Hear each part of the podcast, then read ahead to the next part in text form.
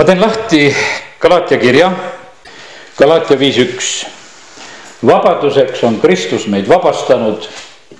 püsige siis selles ja ärge laske endid jälle panna orjalikkesse. täna, kui küsisin siia sõnumit, siis oli üks selline üsna selge jutt mulle, et see on sõnum vabadusest ja sellepärast Kristus on meid vabastanud ja, ja teinud meid vabaks.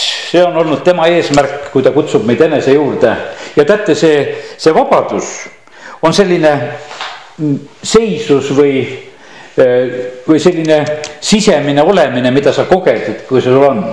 Ja, ja sellepärast ja see, ma leian sedasi, et see sõna ei ole mitte ainult, et ma selle praegusel hetkel sain, vaid ma kogen sedasi, et issand on seda ka mulle antud hetkel lihtsalt andnud, ma lihtsalt kogen vabadust. vaata, vabadus on selline asi, et sa võid olla ükstapuha kus kohas ja, ja sa tunned ennast vabalt ja hästi. kui üks äh, vene meeslaulja oli vanglas ja sai seal päästetud ja, ja see on Jüri Barinov siis tema oma ühes tunnistuses ütles niimoodi, et kui tema sai seal päästetud, siis ta ütles oma teistele vangidele ka, et ütles nende, et vaadake, et need vangivalvurid, kes on ümberringi, et nemad on hoopis vangis, et meie oleme vabad Nemad ei tohi ära minna, sellepärast et nemad peavad meid valvama, nemad ei tohi ära minna. sellepärast, et kui nad ära lähevad, nad saavad karistada, nemad peavad siin passima ja vaatama, ütlesid ja, ja nemad on hoopis trellide taga, et me oleme siin sees, oleme vabad, sest et ta oli Kristuses vaba ja ta tundis ennast nõnda. ja, ja põhimõtteliselt see niimoodi ka on. lihtsalt tuletas meelde piiblist mitmeid lugusid seal, kuidas äh, nende vangivalvurite lugu käis ja Peetrusel oli kaks korda oli sellist vangistust, mida meile jumala sõna räägib ja esimene kord on Apostlite teod neljandas peatükis, kui Peetrus on vanglas. ja, ja siis on nii, et äh, Peetrus vangistatakse, ma loen siit salmidest seitseteist ja kuni üheksateist äh, Apostlite teod neli aga ülempreester ja kõik ta kaaslased, saduseride erakond muutusid kadedaks ja pistsid oma käed apostlite külge ning panid nad üldvanglasse. issanda ingel avas öösel aga vangimaja uksed, viis nad välja, ütles minge ja seiske ja kõnelge rahvale pühas kojas kõik selle elu sõnad. ja nüüd on nii, et kakskümmend neli salm ütleb sedasi. Neid sõnumeid kuuldes olid templi pealik ja ülempreestrid nõutud, mis see võis küll juhtuda. sest juhtus selline asi, saadeti neid vangimajast otsima ja siis need, kes läksid otsima, ütlesid, me leidsime vangimaja küll täiesti kindlalt lukustatuna ja valvurid ustel seismas. aga kui me ukse avasime, ei leidnud seest kedagi, nii et selline lugu juhtus esimesel korral Peetrusega, ta sai vanglast välja ja vangimaja teda ei pidanud kinni. ma räägin vabadusest, tuletan praegusel hetkel seda meelde. meil on vabadus kõigis paikades ja sellepärast kiitus Jumalale. teine koht Peetruse elus on Apostlite teod kaheteistkümnes peatükk. see on see aeg, kui hakatakse eh, apostleid taga kiusama ja Jakobus oli juba mm, tapetud, Johannese vend.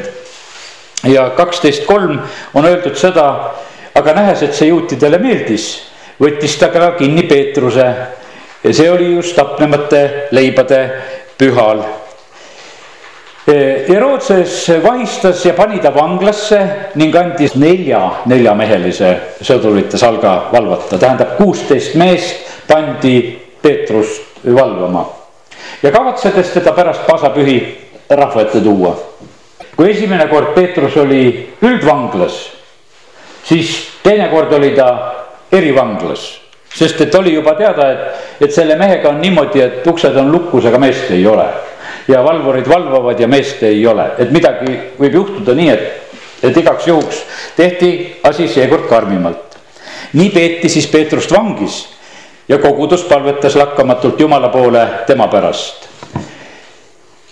ööl enne seda, kui Herodes tahtis Peetruse enese juurde tuua, magas Peetrus kahe sõduri vahel kahe ketiga aheldatult ja vahimehed ukse ees valvasid vanglat. nii et ta oli kahe mehe külge aheldatud, kaks valvurit olid aheldatud Peetruse külge. ja teised, ütleme, pidid valvama veel teda, sest seal oli neli korda neli meest, kelle kätte see Peetrus oli antud. ja nüüd on nii, et ja ennäe, issanda ingel seisis seal ja valgus helkis vangikojas ingel lõi Peetrust vastu külge, äratas ta üles ja ütles, tõuse kiiresti ja Peetruse ahelad langesid kätte ümbert maha. Räägin vabadusest, jumal on tulnud meid vabastama, ahelad langevad meie pealt. ahelad lihtsalt langevad, ingel lööb, ahelad langevad. Peetrus tuli ja siis välja, ingel kutsub teda ja pane kuup selga ja tule minu järel. ta käib siis selle ingli järel ega teadnud, et see on ingel vaid arvas, et see on nägemuseks, nii nagu siin kirjutatud on ja siis hiljem ühtäkki ta mõistab sedasi, et, et see ei ole nägemus, et ongi vanglast väljas, on tänava peal. ja, ja siis ta läheb sinna, kus see rahvas oli koos palvetamas ja see asi läheb eh, seal lihtsalt nõnda edasi. mis valvuritega juhtus? loeme selle ka, kui ma ütlesin, et valvurite käsi käib vahest halvemini. kui Herodes teda otsis ega leidnud üheksateist salm samast peatükist ega leidnud siis tähendab Peetrust, siis ta kuulab vangivalvurid üle ja käskis nad viia hukkamisele. Ise läks ta ära Juudamaalt alla Kaiseriasse ja jäi sinna. nii et ära valva kellegi järgi. valvurite käsi käib halvasti, lase teistel elada. valvurite käsi käib halvasti, vaata, pane, kui kurat paneb valvama, ära valva, teed ei valva Asi valvata, las nad elavad. ja sellepärast on nii, et Kristus on meid vabaduseks eh, lihtsalt vabastanud ja sellepärast ärme laseme ennast panna orjaikkesse. ärme laseme ennast panna eh, orjaikkesse, vaata, kui keegi tuleb ja räägib teise inimese kohta halba juttu. sa oled pandud orjaikkesse. sinu mõttemaailm vangistati ära sa ütled, vuh välja see jutt, ma ei taha, ma ei taha, et mingisugused ahelad mu pähe tulevad, sest sa oled pandud selle külge aga sul on võimalus öelda, ma ei võta, ma ei hakka sellega tegelema, ma ei, ma ei vaeva oma pead selle asjaga.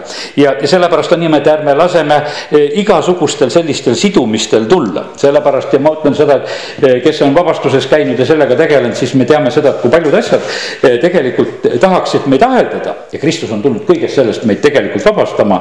ja tänane jutt ongi sellest, et issand tahab, et me oleksime vabad ja et me ei laseks ennast uuesti panna eh, orja ikkesse.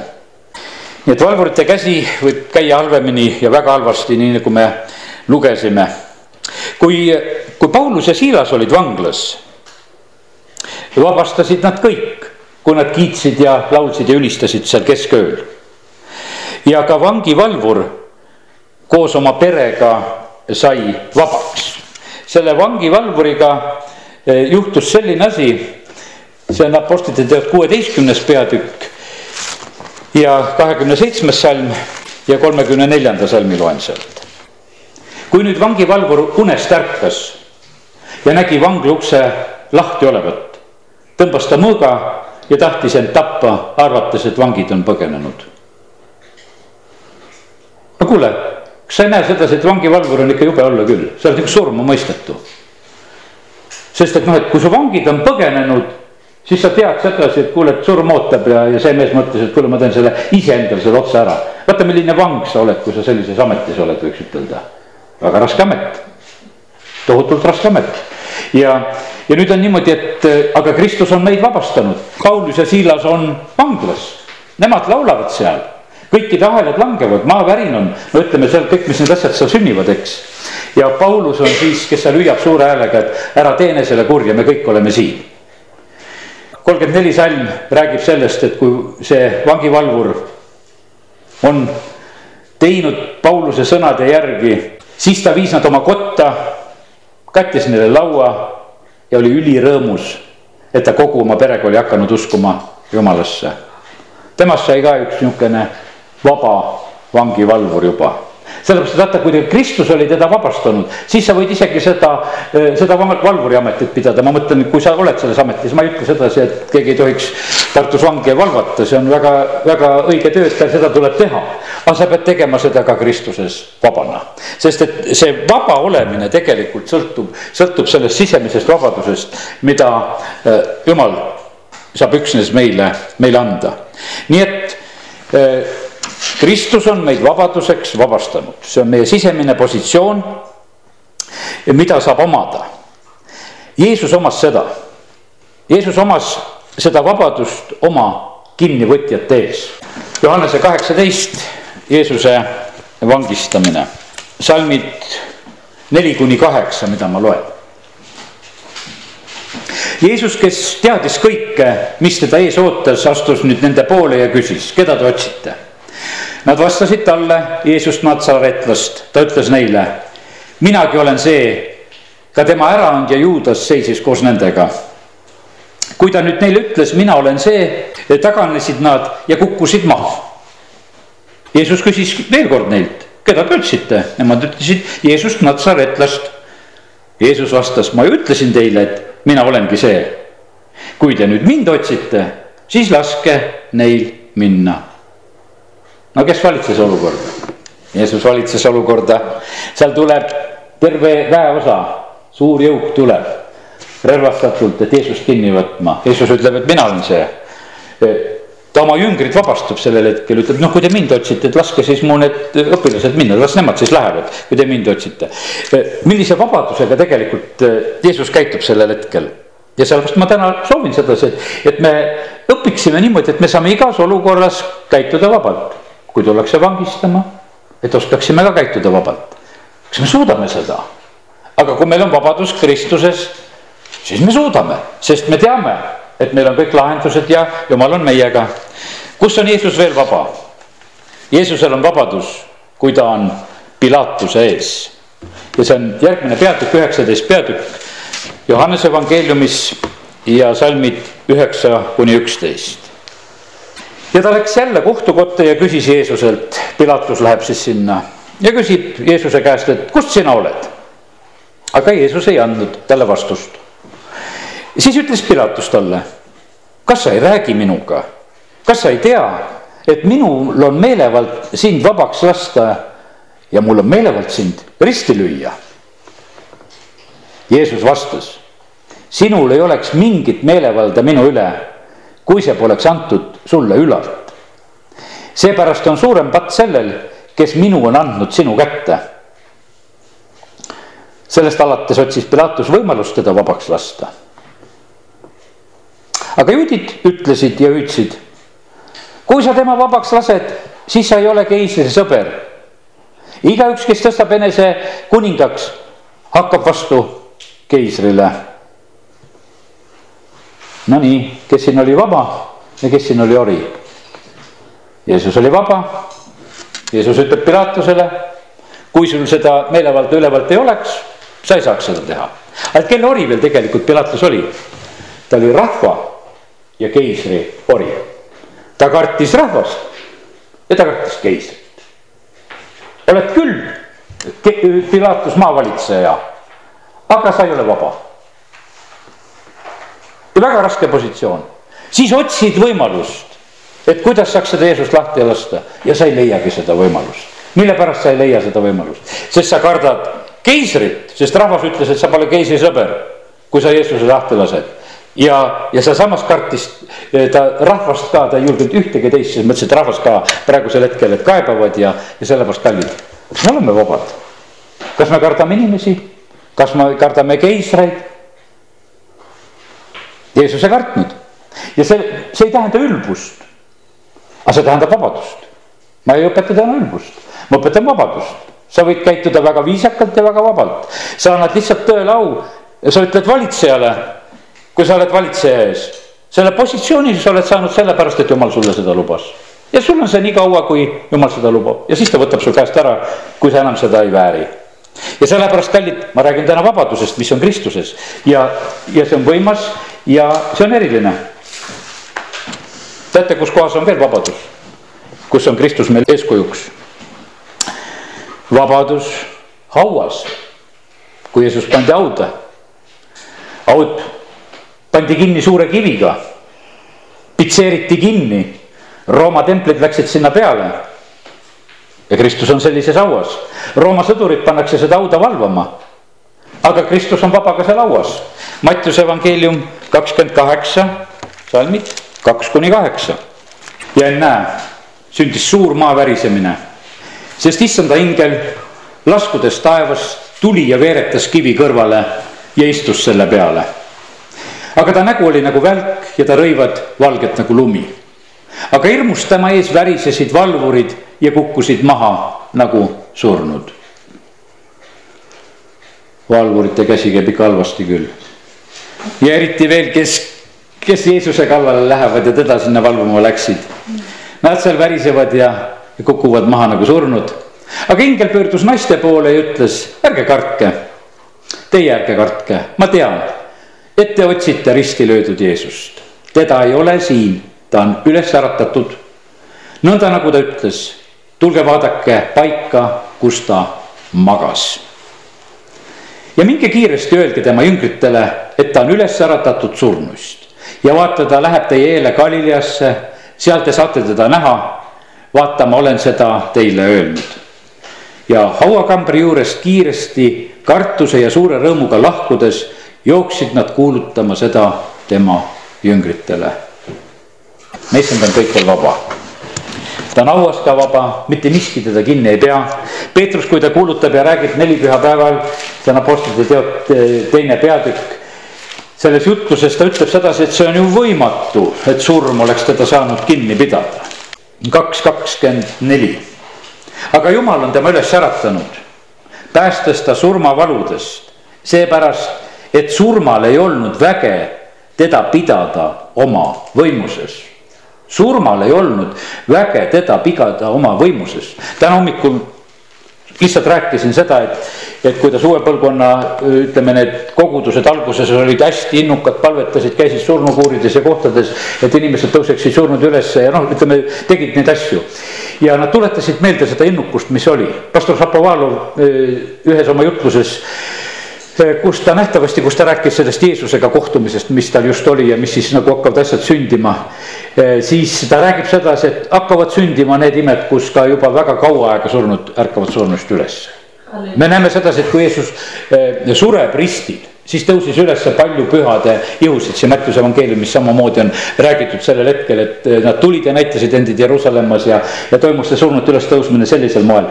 aga sellepärast, aga see jutt, ma mõtlen, millest ma praegusel hetkel räägin, ma räägin seda, et, et tõusevad üles just ka need, kes on kaua-kaua olnud surnud, et mitte sedasi, et noh, et mõni hetk oli ja siis äratati surnust ülesse, vaid et, et jumal teeb selliseid võimsaid ja vägevaid asju, sellepärast et Kristuses on vabadus ka surmas, see ei saa kinni pidada.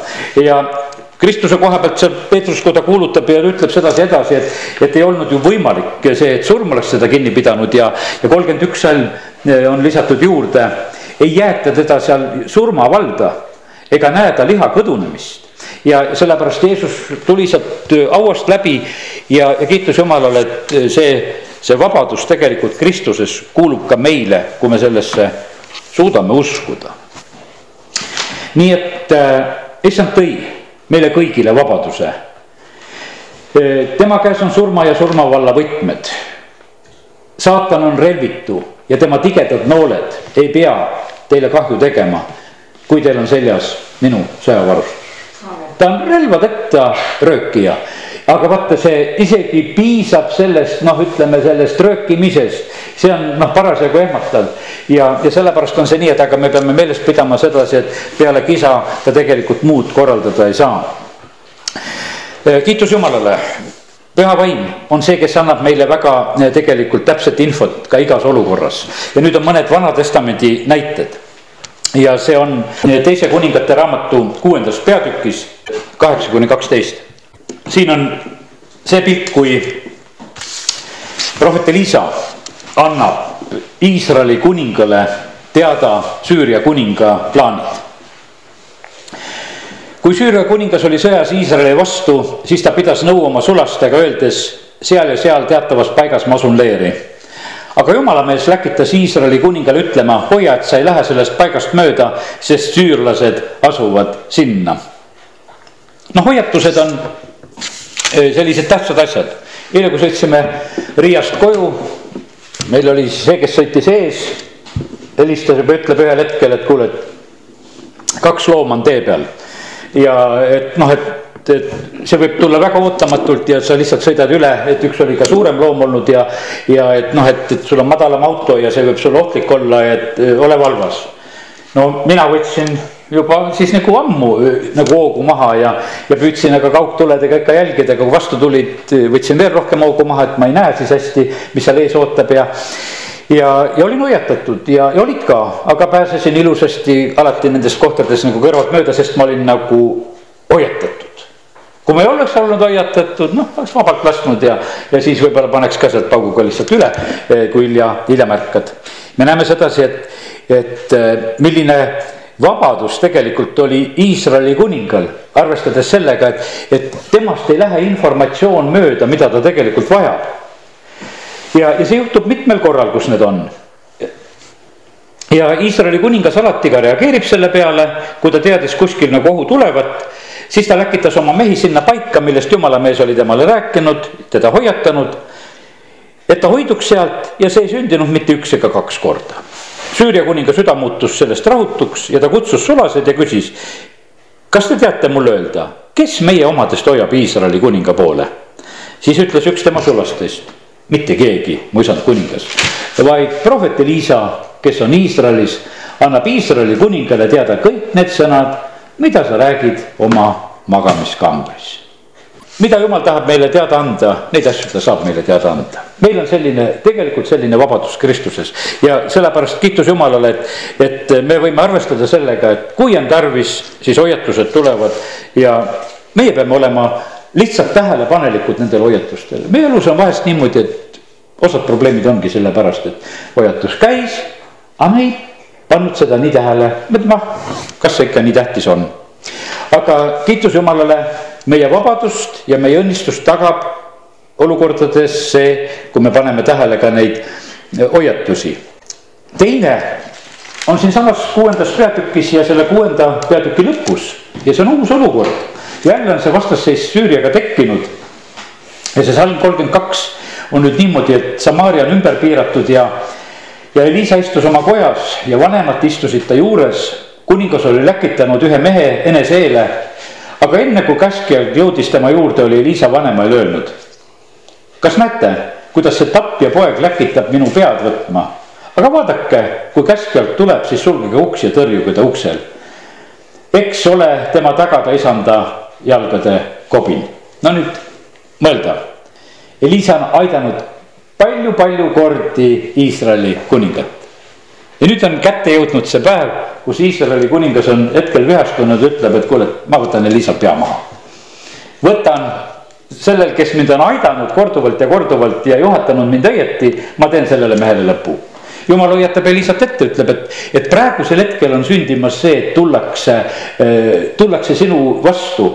ja, ja see käskjalt tuleb selle plaani ja mõttega ja, ja Elisa annab käsu, et tõrjuge juba seda sulast seal uksel ja, ja ta ütleb teistele ka, et milles on asi ja sellepärast kallid.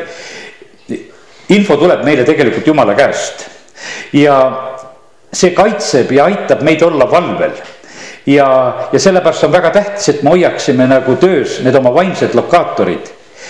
siis ei tule meile ükski vaenlase rünnak ootamatult. pigem on vaenlane üllatunud, et ta ei saa üllatada seda kogeb vaenlane aastal kaks tuhat üheksateist juba korduvalt. tema plaanid ei teostu ja need ei peagi teostuma, kui te olete minu tahtes. ja issand just ütles, et kas sa koged sellist pööret ja sellist võitu, mille sees sa lihtsalt oled, et ma olen kinkinud sulle lihtsalt vabaduse, et sa võid lihtsalt olla. ja see nii ongi, võidu annan mina, ütleb issand, võitja olen mina ja sellepärast te saate käia selles võidukäigus kaasa Te käite nagu ümber selle Jeeriko ja siis, kui ma käsin ta lüüda, siis need müürid, müürid langevad. ja sellepärast kiitus Jumalale, et, et sellise vabaduse on tegelikult meile issand kinkinud. esimese Korintuse viisteist viiskümmend seitse on öeldud see, et aga tänu Jumalale, kes meile võidu annab. aga tänu olgu Jumalale, kes meile võidu annab, meie issanda Jeesuse Kristuse läbi. Teise Korintuse kaks neliteist aga tänu olgu Jumalale, kes meid Jeesuses Kristuses viib igal pool võidu käigus kaasa ja teeb kõigis paidu, paigus meie kaudu avalikuks oma tunnetuse lõhna. amin. oleme ühe hetke tänupalves. taevane isa, ma tänan sind südamest et eh, sina saatsid oma poja meid vabastama, vabastama patuorjusest, eh, vaba, vabastama inimeste kartusest. ja me täname sind, Jeesus, et kui sina meid vabastad, siis me oleme õieti vabad. isa, me palume seda, et, et see vabadus oleks meiega, meie südametes võimsalt ka kõikjal eeloleval nädalal. küll töökohtades ja kus iganes me liigume, oleme bussis või oleme rahva keskel või, või, või oleme poes või oleme oma perekonna keskel või oleme eh, õdede-vendade keskel koguduses, jumal, me palume seda, et, et sinu vabadus võiks olla see, mis meid on valitsemas. isa, kiitus ja tänu ja ülistus sulle. ma tänan sind, Jumal, et see vabadus ei tee teistele liiga. see on nii õiglane, see on hea, aga me täname sind, Jumal, et me võime ise kogeda selle, selles olles sellist suurt rõõmu. nii nagu see vangivalvur, kes oli ühel hetkel vabaks saanud, kui ta nägi midagi suuremat, maavärin sünnib. ja kõikide vangide ahelad on lahti läinud, aga mitte ükski vang ei ole ära põgenenud ja vangivalvur sai vabaks minna hommikuni pidu panema ja jättes need vangid sinna paika, teades, et sina neid hoiad, neid vange seal paigas. isa, me täname sind, et sinu lahendused ja asjad on võimsad, isa, kiitus ja tänu ja ülistus sulle Jeesuse nimel Amen.